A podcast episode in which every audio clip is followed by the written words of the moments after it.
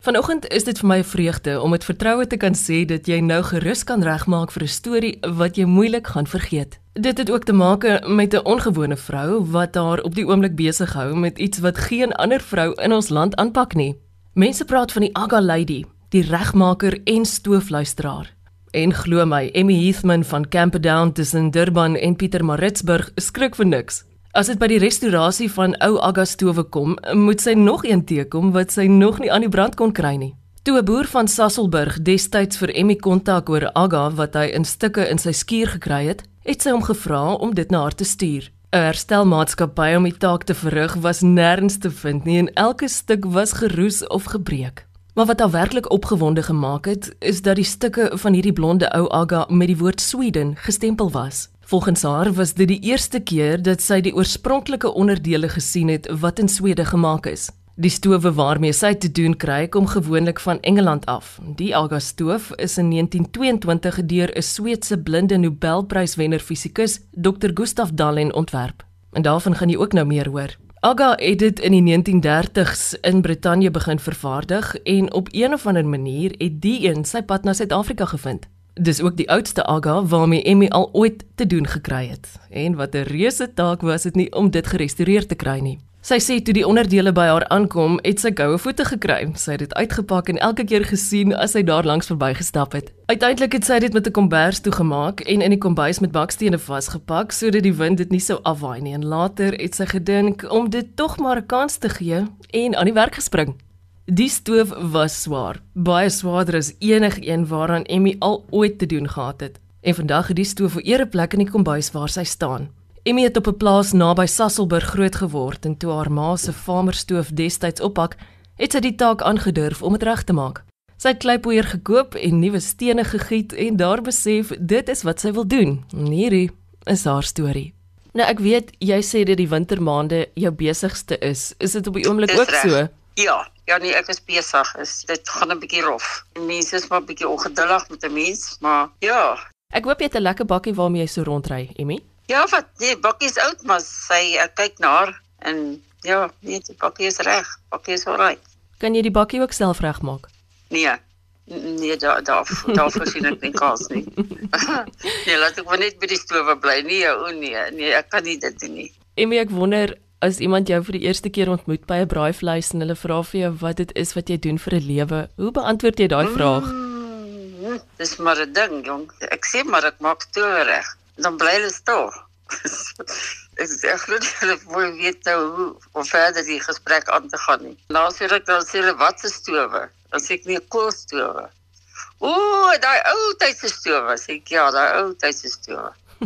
bly hulle weer stil as hulle glad nie elektriese stowwe, sê ek nee, glad nie elektriese stowwe. Dit is vir mense snaaks en dit is vir baie boere snaaks as ek daar opdaag vir die eerste keer en dis jy weet dis die eerste customer dan is dit maar 'n gekykery waar's die man. Gelukkig ken die mense my nou al. Dis net hier en daar wat daar baie keer iemand vir my vra. Om meeste van die tyd nee, wat hulle nee, jy weet een praat met die ander en een boer praat met 'n ander boer. Hoe lank doen jy dit al, Emmy? Ja, baie lank. Ek doen dit al jare. Seker oor die ver oor die oor die 20 jaar al oor dit. Het jy jouself geleer? Ek het in 'n mate het ek myself geleer, ja. Nou, ons arm groot geword.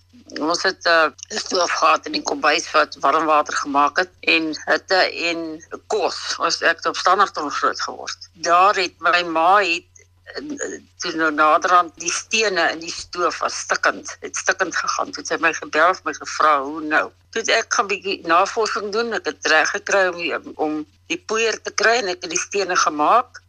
En van daar af is die gogga my gebyt en ek het daarvan gehou en dit is dis heerlik om 'n stoof reg te maak vir iemand en hulle hulle is so bly daaroor. En hulle jy weet hulle kan weer aangaan met die stowwe. Daar's baie stowwe in Suid-Afrika. Vertel my die storie van die boer van Sasselburg wat jou destyds gevra het om hom te kom help. Die stoof het in 'n skuur gestaan. Vir lank, lank, lank, lank in die skuur. Toe die man die stoof, hy besluit hy gaan hom hy, hy wil hom reg hê. En niemand het daarvoor kans gesien nie omdat daar nie genoegsame parte was nie en 'n ou stoof en toe ek so vroeg gesê ek gaan regmaak. Hy het my foto gestuur, die stoof is aan die gang, hy brand en hulle kook en hulle Hulle is baie happy. Stoof het baie baie mooi uitgekom. Wat ek nie gehad het nie, het ek die parte laat maak. Hierdie stowwe het darm maar ongelooflike geskiedenis. Hulle is byna soos mini museums. Ek wonder, kan jy my sê wie het hulle destyds vir die eerste keer ontwerp? 'n Man in Swede. Hy het in 'n fabriek gewerk en toe sê sy vrou sy gaan nie weer kos maak tensy sy nie 'n ordentlike stoof het nie. Toe ontwerp hy vir die Aga en toe is daar 'n ontploffing in die plek waar hy werk en toe is hy blind. Toe kon hy nog glad nie die eindproduk sien van jy weet van wat hy gedoen het nie. En toe het Engeland hierdie patroon gekoop, oorgekoop. En van daar af het hy net al hoe groter en groter en groter geraak. So dis byna amper asof 'n mens hierdie geskiedenis en sy nalatenskap moet eer, dink jy nie? Ja, ek het 'n passie vir agas toe regtig waar ek het. Baie mense al vir my gesê, "Jy gaan daai ding reg kry." Dan dan maak ek kom reg want ek ek is ek is lief vir wat ek doen. Ek is regtig waar. Ek is lief vir wat ek doen. En jy weet, jy ontmoet die ongelooflike mense in die wêreld wat jy kan glo in Suid-Afrika is. Dis sulke nice mense, weet. En wat, lekker is, hulle is so dankbaar as jy so ver ry en hulle stoof kom regmaak. Hulle is genie dankbaar. Jy weet jy kom Emmy kom ons gaan eet. Kom Emmy kom ons het lunch. Dis regtig waar. Dis hulle waardeer dit. En dit is wat my laat aangaan en aangaan en aangaan met hierdie job. En ek is al stokoud. Maar ek gaan aan. Ek gee glad nie om om ver te ry nie. Partykeer jy weet die paaie is sleg. Dit is ver om te ry. Jy en die lugdruk vang my. Maar ek weet ek gaan en as ek daar aankom is dit heeltemal 'n ander storie. Die mense is so dankbaar en kom in, kom drink bietjie koffie en voordat jy nou begin, wat dink jy van die stoof en sal jy die ou girl kan regkry en dis dis ongelooflik. Is is mense wat agas het, is ongelooflike mense. Ek weet nie hoekom dit nie, maar wie die hele Suid-Afrika was so. Soos jy self weet, dit is die dankbaarheid van van alle mense wat dit vir jou die moeite werd maak om te doen wat jy doen. Kan 'n mens hierdie stowwe nog nuut koop iewers?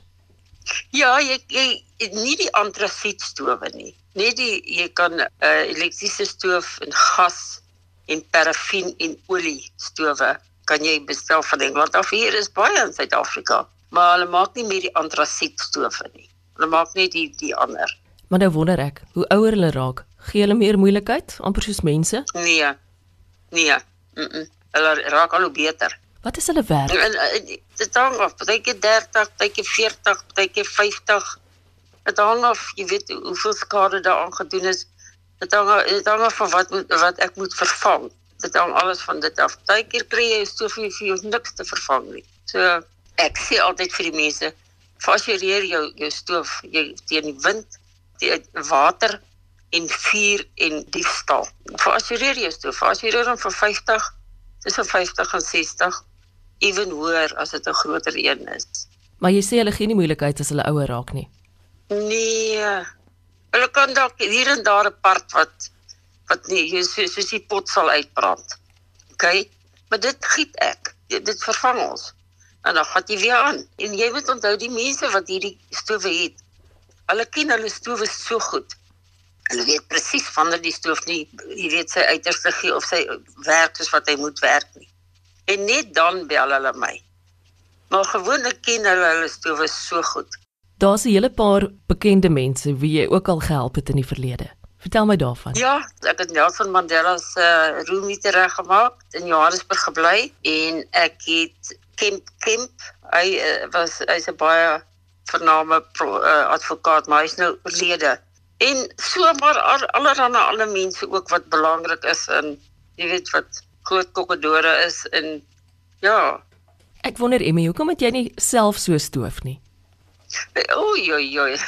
Ek sal nooit kan vinnig uit ek ry te veel rond ek sal hom aansteek dan dan dan sal 'n vrou of 'n man wel sê Emmy jy's like kom help my asseblief man kom help my. Hier's groot fout hier groot fout met my AK en dan dan sal ek ry en dan that's it. Dan sal die jy weet as hy stoof dood gaan ek het al baie keer hoor baie keer. Is soos 'n mechanic 'n mechanic se kar is altyd stukkend dis is wat ek is ek het nie hakas stoof nie almal vra of met jy hakas ek nee dan slaat hulle tred word dood neer en jy weet jy wat vra die mense ook vir my baie. Nou die dag vra ou vir my, "Amy, kom hier reg met jou praat." Ek sê, "O, jy's like wat nou?" Hy sê vir my, "Is jy besig om iemand te leer van hierdie stowe?" Ek sê ek my dogter wil dit nie doen nie. Hy sê nee man, moenie nou so sulke praatjies maak. Jy moet vir iemand trail jy leer. Jy moet iemand leer om hierdie bloody stowe te werk. Ek sê nou vir jou. Ons sê vir my ek is so jong seun wat vir my werk. Sê vir my ek leer hom. Hy is besig om te leer my is nou al verby leer. Hy kan dit nou al doen. Ek moet sê dis iets wat ek jou self ook oor wou gevra het want jy het hierdie ongelooflike kennis dit is sekerlik belangrik dat dit oorgedra word aan iemand anders ook. Ja, ek wens ek kan, want maar jy weet ek probeer met die kind maar dis nou maar hy leer en hy's goed daarmee. Hy's maar ek sal ek sal graag nie net een persoon wou geleer het nie twee of drie of vier persone geleer het sodat hulle dit kan aangaan en, en mense kan help. Want dit is 'n groot ding. Vir, vir my is dit nie so seer om geld te maak nie. Vir my is dit om om om 'n stoof reg te maak wat iemand so mee sukkel. En en ek doen dit. Ek ek kry dit reg. Ek maak die stoof reg. Ek beloof jou, ek kry dit reg. En ek help mense oor die foon wat nie geld het nie, dan help ek hulle oor die foon. Maak ons die stoof oor die foon reg. Ek het al baie baie baie stowwe oor die foon reggemaak en gebou. Daar's niemand anders soos jy in Suid-Afrika nie. Jy sekerlik bewus daarvan. Ek weet nie, ek glo nie. Ek glo nie daar's 'n vrou wat gaan soveel guts hê om dit te doen nie. Wat doen jou kinders, Emmy? My dogter is 'n safety engineer. Sy werk hier in Durban en sy sy ken alles van 'n aga want sy het groot geword, jy weet, dis, maar sy staan nie belang in dit nie. Sy staan nie belang in nie. Ek wens sy sy was, maar sy stel glad nie belang nie. Volgende week hoor ons van Emmy se wedervarings as sogenaamde stoofluisteraar en waarom dit juis die boere in ons land is wat die vuurherd van haar hart laat vlam vat. Maak seker jy mis dit nie.